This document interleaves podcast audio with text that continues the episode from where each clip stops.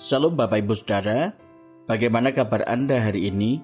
Kiranya kasih karunia Tuhan dengan limpah memenuhi hati dan kehidupan kita. Hari ini saya merenungkan firman Tuhan dari kitab Titus pasal yang ketiga ayat 1 hingga ayat yang ke-15. Secara khusus saya akan membacakan ayat 4 hingga ke-7 yang demikian bunyi firman Tuhan. Tetapi ketika nyata kemurahan Allah, Juru Selamat kita, dan kasihnya kepada manusia, pada waktu itu dia telah menyelamatkan kita, bukan karena perbuatan baik yang telah kita lakukan, tetapi karena rahmatnya oleh permandian kelahiran kembali dan oleh pembaharuan yang dikerjakan oleh roh kudus yang sudah dilimpahkannya kepada kita oleh Yesus Kristus, Juru Selamat kita, supaya kita, sebagai orang yang dibenarkan oleh kasih karunia-Nya, berhak menerima hidup yang kekal sesuai dengan pengharapan kita. Menghidupi kasih karunia Tuhan di tengah masyarakat. Saudaraku, pernahkah kita mengalami respon yang tidak baik ketika kita melakukan perbuatan baik kepada orang lain. Misalnya dengan tulus hati kita ingin memberikan bantuan kepada tetangga atau kolega kita yang tidak seagama, kemudian malah dituduh ingin mengkristenkan atau disalahpahami bahwa kita menolong pasti ada maunya dan lain sebagainya. Bagaimana respon kita selanjutnya setelah mendapat sikap yang demikian? Apakah kemudian kita mengurungkan niat untuk menolong dan bahkan kita kemudian mengambil sikap untuk tidak melakukan tindakan kebaikan karena mendapat respon yang tidak baik tersebut. Mungkin saja kita merasa kesel karena niat baik dan ketulusan kita direspon dengan tidak baik dan penuh kecurigaan. Namun apakah hal itu kemudian menghentikan kita untuk melakukan perbuatan baik di tengah masyarakat?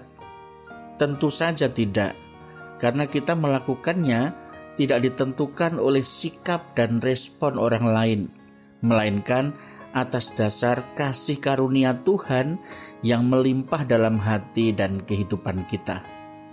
Kita berbuat baik bukan untuk menambahkan amal ibadah kita, juga bukan hanya sebuah ungkapan kebaikan moralitas etis yang memerlukan respon dari luar untuk menilai sebuah kebaikan. Kita berbuat baik untuk orang lain, alasannya hanya satu, yaitu oleh karena kita telah mengalami kebaikan Tuhan dan kita sedang menghidupi anugerah Tuhan di tengah masyarakat. Kita tidak dapat menyangkal untuk tidak berbuat baik, walaupun mungkin kita akan mendapatkan respon negatif atas tindakan baik tersebut, bahkan berbagai tuduhan dan kecurigaan.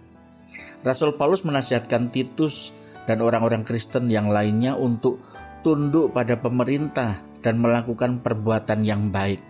Di tengah masyarakat dan penguasa yang korup sekalipun, kita diminta untuk taat dan respek terhadap penguasa dan mentaati peraturan hukum positif sebagai perbuatan baik.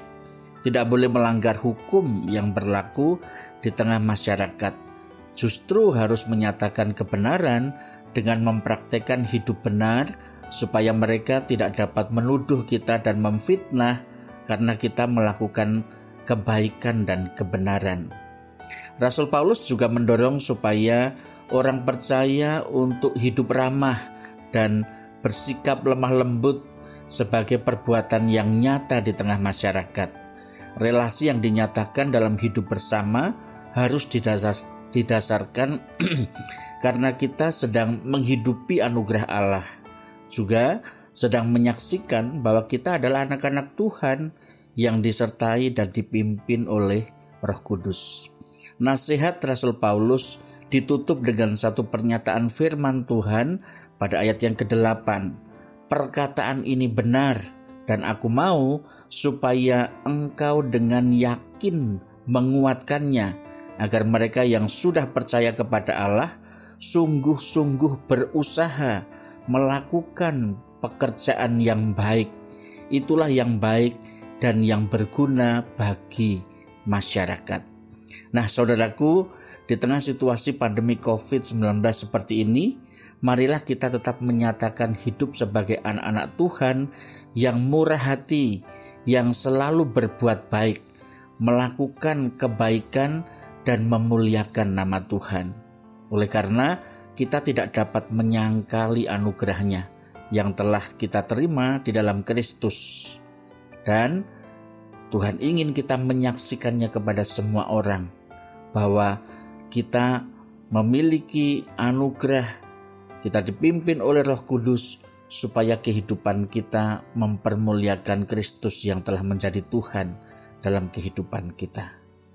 Selamat berefleksi, Tuhan Yesus memberkati. Amin.